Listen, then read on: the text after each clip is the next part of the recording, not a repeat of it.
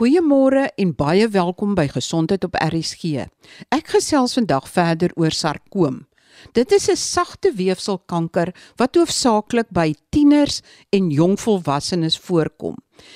En wanneer tieners en jongvolwassenes met hierdie tipe kanker gediagnoseer word, moet hulle hulle eie sterflikheid in die gesig staar, juis op 'n tyd wat hulle voluit wil lewe, wat hulle dinge ontdek en wanneer die lewe eintlik voor hulle oop lê. Dit is dikwels dan nie maklik vir tieners en jongvolwassenes om met hierdie diagnose te stoei nie en dan nog deur behandeling te gaan wat hulle nie lekker laat voel nie. Dit is dan ook belangrik dat die hele gesin, ook die kinders by die huis wat nie kanker het nie, ondersteun moet word. My gas vandag is soos verlede week Dr. Johan Riedeman. Hy is 'n pediatriese onkoloog verbonde aan Cancer Care, Icon Oncology en Cryon. En besoek sommer onmiddellik RSG se webblad. In die artikel oor sarkoom is daar baie interessante inligting, diagramme, skakels na Cryon en na ander plekke waar jy meer inligting oor kinderkanker kan kry want dit is ook van dese maand kinderkankerbewustheidsmaand. En meer as 1000 kinders word jaarliks in Suid-Afrika met kanker gediagnoseer en sarkoom is maar een van die verskillende kankersoorte. Daar is baie baie vorms van sarkoom. Kom ons vind meer uit. As 'n jong pasiënt byvoorbeeld osteosarkoom kry, sê maar dit is in sy knie, sal jy dan éventueel sê maar die knie en alles waar die sarkoom is wil verwyder en miskien 'n knievervanging doen of hoe gaan julle te werk? So dit hang weer eens af van die tipe sarkoom. As 'n mens 'n osteosarkoom vat soos wat jy nou beskryf het Marie, osteosarkome is geweldig bestralingsweerstandbiedend.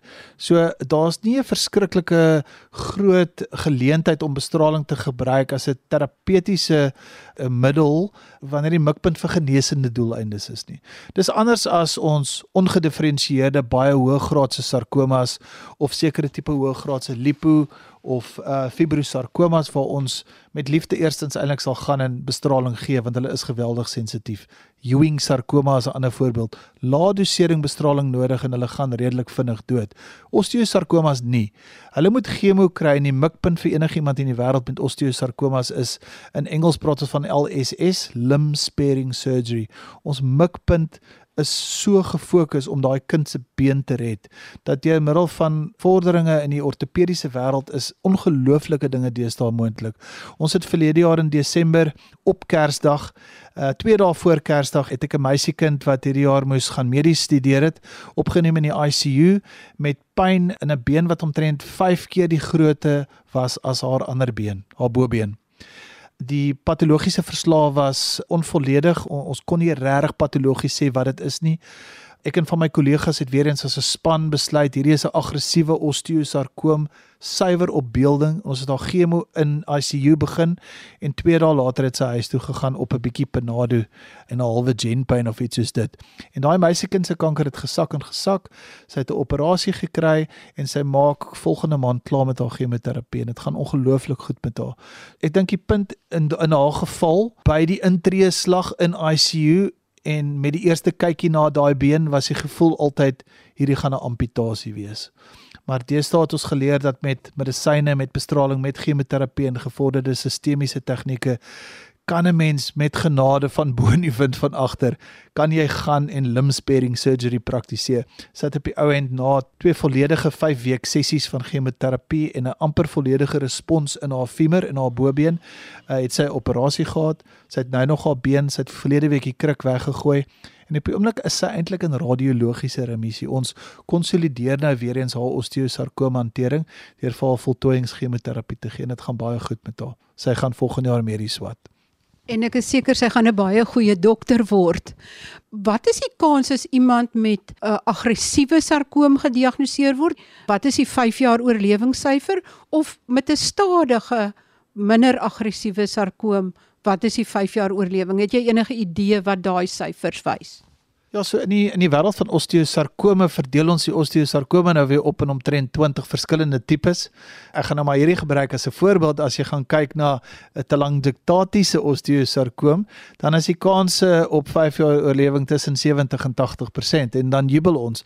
Maar jy kry natuurlik van hierdie weerstandbiedende osteoblastiese osteosarkomas. Dis wrede name hierdie, maar die name is baie keer so wreed soos hulle siekteprofiel. En van daai outjies kyk 'n mens na 20 tot 30% dit hang alles af van die onderliggende biologie. Dit bring mense eintlik terug na die definisie van 'n kanker toe, né? Dit is 'n oneweredigheid tussen syne, masjinerie binne in die kankersel wat die kankersel stoot in die rigting van groei en diferensiasie en verandering en oorlewing en wat die syne wat normale slegte selle sal doodmaak. Ons praat van apoptose wat daai prosesse blok. Met ander woorde, daai dinamiese balans, daai ewewig wat moet geskied tussen groei en seldood word versteur. En om dan terug te kom na 5 jaar oorlewings, dis verskillend vir elke sarkoom. As mens gaan kyk na 'n graad 1 liposarkoom wat volledig uit die buik geresekteer word van 'n jong persoon, is die kans 80% dat daai persoon oor 5 jaar nog in remissie gaan wees. As jy na dieselfde ding kyk, maar dit is 'n ongedifferensieerde, ten minste graad 3 ongedifferensieerde liposarkoom in dieselfde pasiënt, dan val dit na 30 tot 40% weer eens afhangende van die molekulêre profiel. En waar ons nou begin deurmaak maak interessant hoeka in um, in liposarkomas het ons agtergekom dat van die selsiklus begeleiers wil ek amper noem.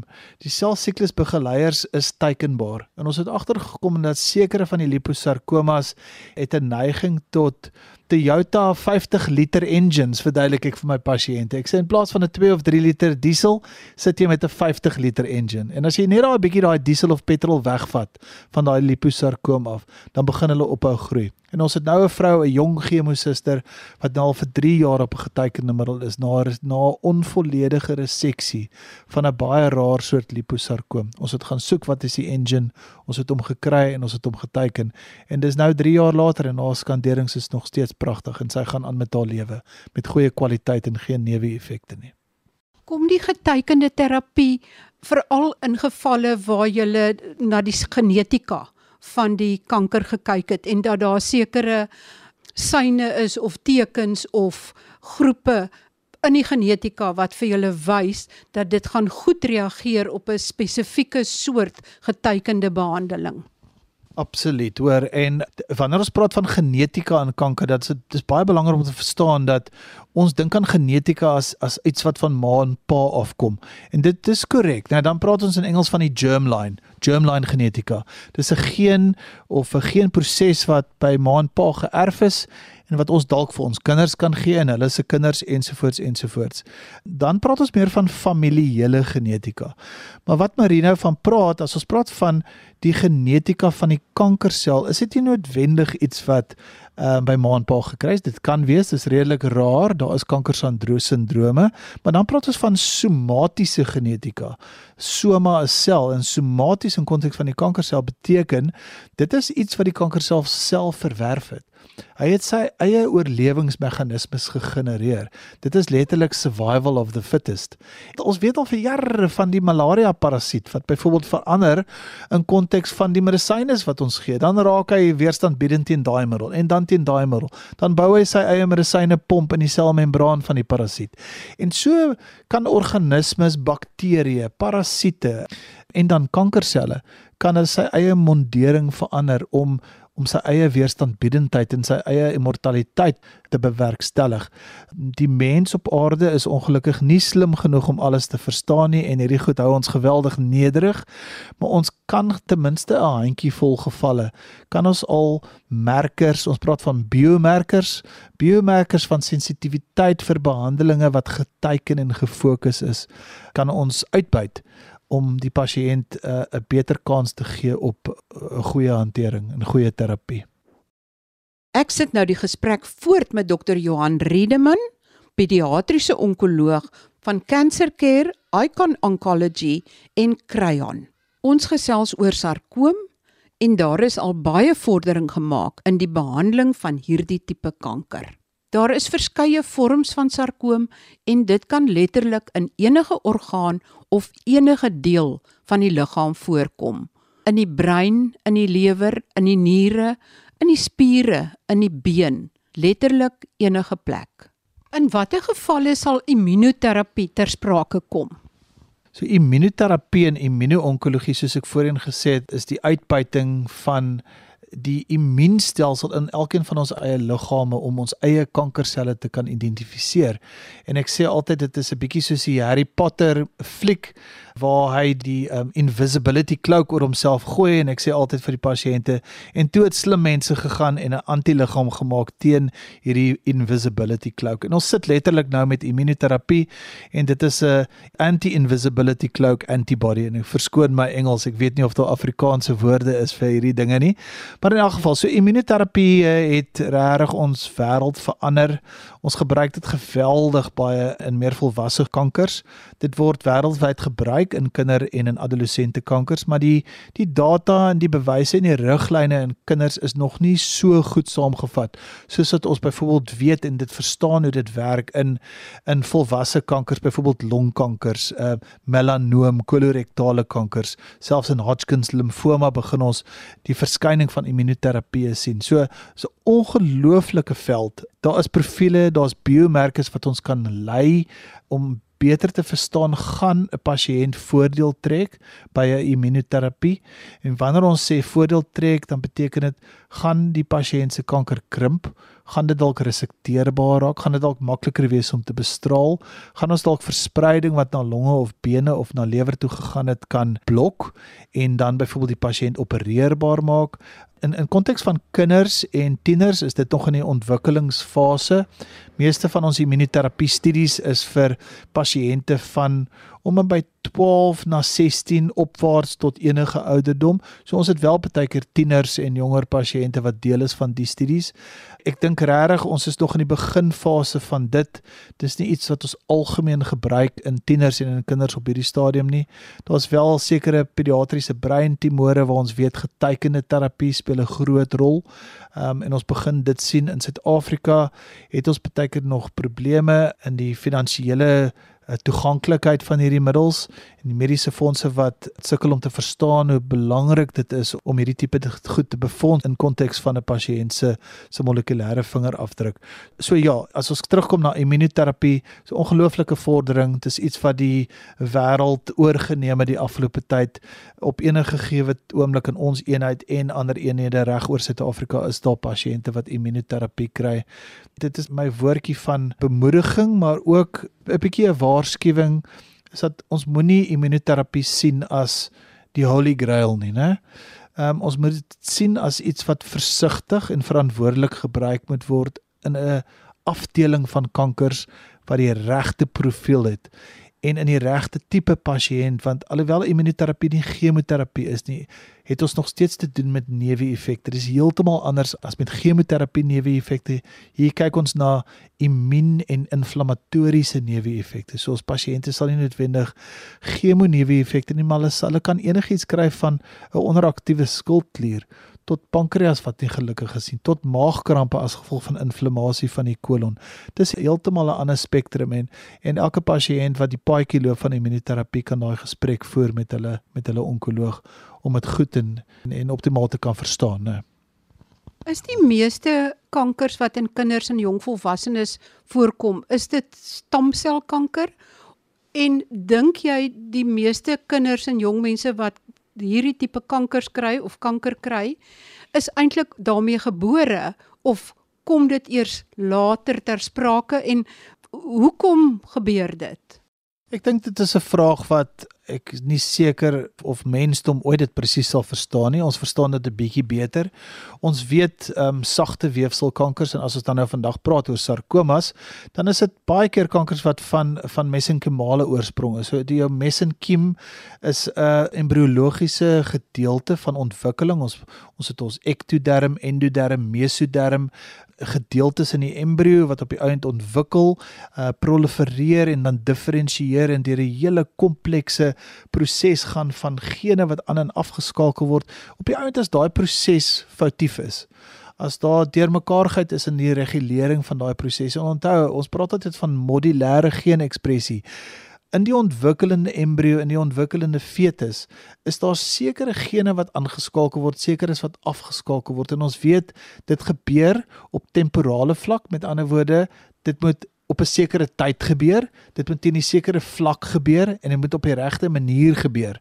En daai regulasie is kompleks. Ons kan maar net dink enige normale liggaamsel bevat tussen 23 en 24000 gene wat almal 'n interkonneksie het met mekaar en die, die statistiese kompleksiteit van dit is is is net verregaande, jy weet, dan kyk 'n mens maar met na mense oë na bo en wonder hoe hier is nie menslik nie, dit is 'n bonatuurlike kompleksiteit. So as daar fout gaan met hierdie goed, dan kan 'n mens baie keer foute kry in hierdie sellyne. En een van hierdie sellyne en ek vroeg genoem die voorbeeld van 'n medullablastoma, so dis die algemeenste pediatriese breinkanker wat ons kry waar daar fout gegaan het met hierdie blastiese selle en waar hulle die mekaar geraak het en die boodskappe vir dood gaan het verlore gegaan. En hulle het op die ou end 'n blastiese kanker gemaak in die cerebellum wat deel is van ons klein brein en dan vir ons 'n medullablastoma gee. Die ander voorbeeld is byvoorbeeld 'n nefroblastoma. Die naam maak tog 'n bietjie sin want nefro is nier en 'n blastoma is waar ons nou gesels het. So dit is jou tipiese Wilms tumors. Ehm um, jy kry selfs hepatoblastomas, ehm um, jy kry medullablastomas soos wat ons gesels het. So daai is die tipiese goed wat deur sellyne, stamsel oorsprong uh, vandaan kom. Daar is hipoteses wat sê dat baie van ons word maar gebore met hierdie tipe goed dat ons as mense almal rondstap met 'n klein bietjie kanker hier in ons, maar dat ons immuunprofiele ons daagliks beskerm, net soos wat ons beskerm word teen virusse en bakterieë en parasiete ensovoorts, uh, word ons daagliks beskerm teen dinge wat vreemd is vir ons eie immuunstelsel. So absoluut, die wêreld van stamselle is 'n geweldige komplekse deel van onkologie. Stamselle sit ook baie keer in die fase van 'n selsiklus wat nie sensitief is vir jou normale behandelinge nie. So dis amper asof die stamselle sit en wag. Hulle kyk hoe die maatjies wat verbygaan almal doodgemaak word deur konvensionele terapie en in die oomblik as alles verby is, dan glip hulle weer in die selsiklus in en begin 'n nuwe siklus. Dis baie keer is een van die hipoteses van hoekom progressie kan plaasvind afgesien daarvan dat die pasiënt op 'n vroeë stadium as persoon in remissie verklaar is, nou. Sjoe, mens begin dan eintlik baie te waardeer dat daar nie iets verkeerd gaan nie. Dat alles eintlik perfek loop in verreweg die meeste mense, die meeste kinders. Dokter Riedeman, as jy 'n boodskap in 'n sin of twee wil opsom wat vir jou belangrik is dat die luisteraars van moet kennis neem, wat sal dit wees? Ek dink ons almal weet die lewe is kosbaar. Ek dink ons almal weet dat COVID het vir ons geleer hoe hoe uniek biologie is, hoe sensitief en hoe vulnerable ons eintlik is as as 'n mensdom.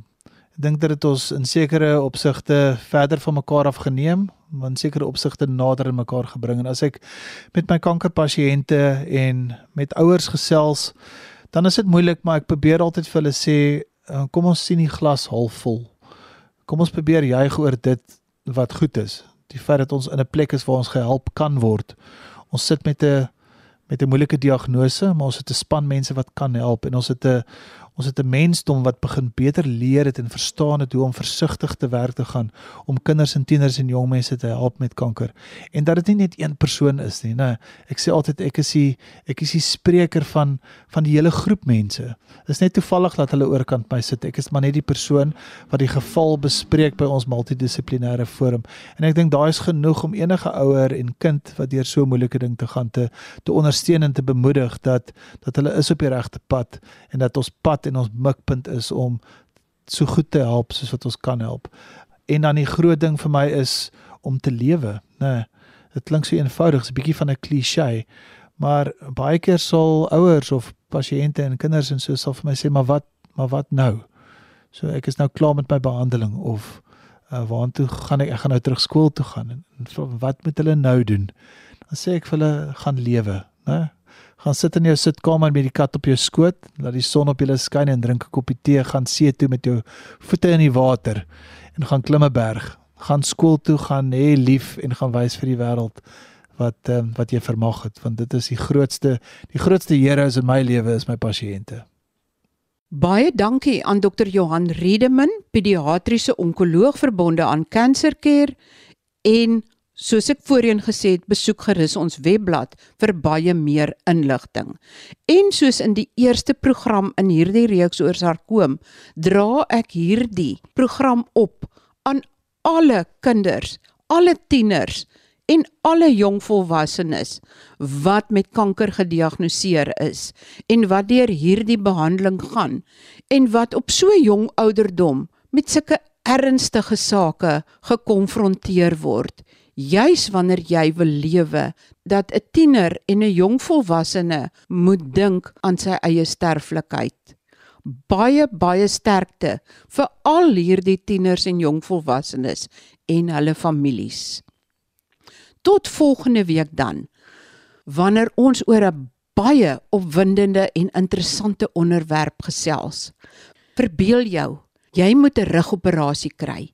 Jy gaan die oggend in, die operasie word die middag gedoen en die volgende oggend stap jy uit die hospitaal uit na 'n rugoperasie, na 'n laminektomie, diskektomie of selfs 'n fusie. In Suid-Afrika is daar 2 dokters wat hierdie soort endoskopiese rugoperasies doen deur twee klein gaatjies in die rug te maak.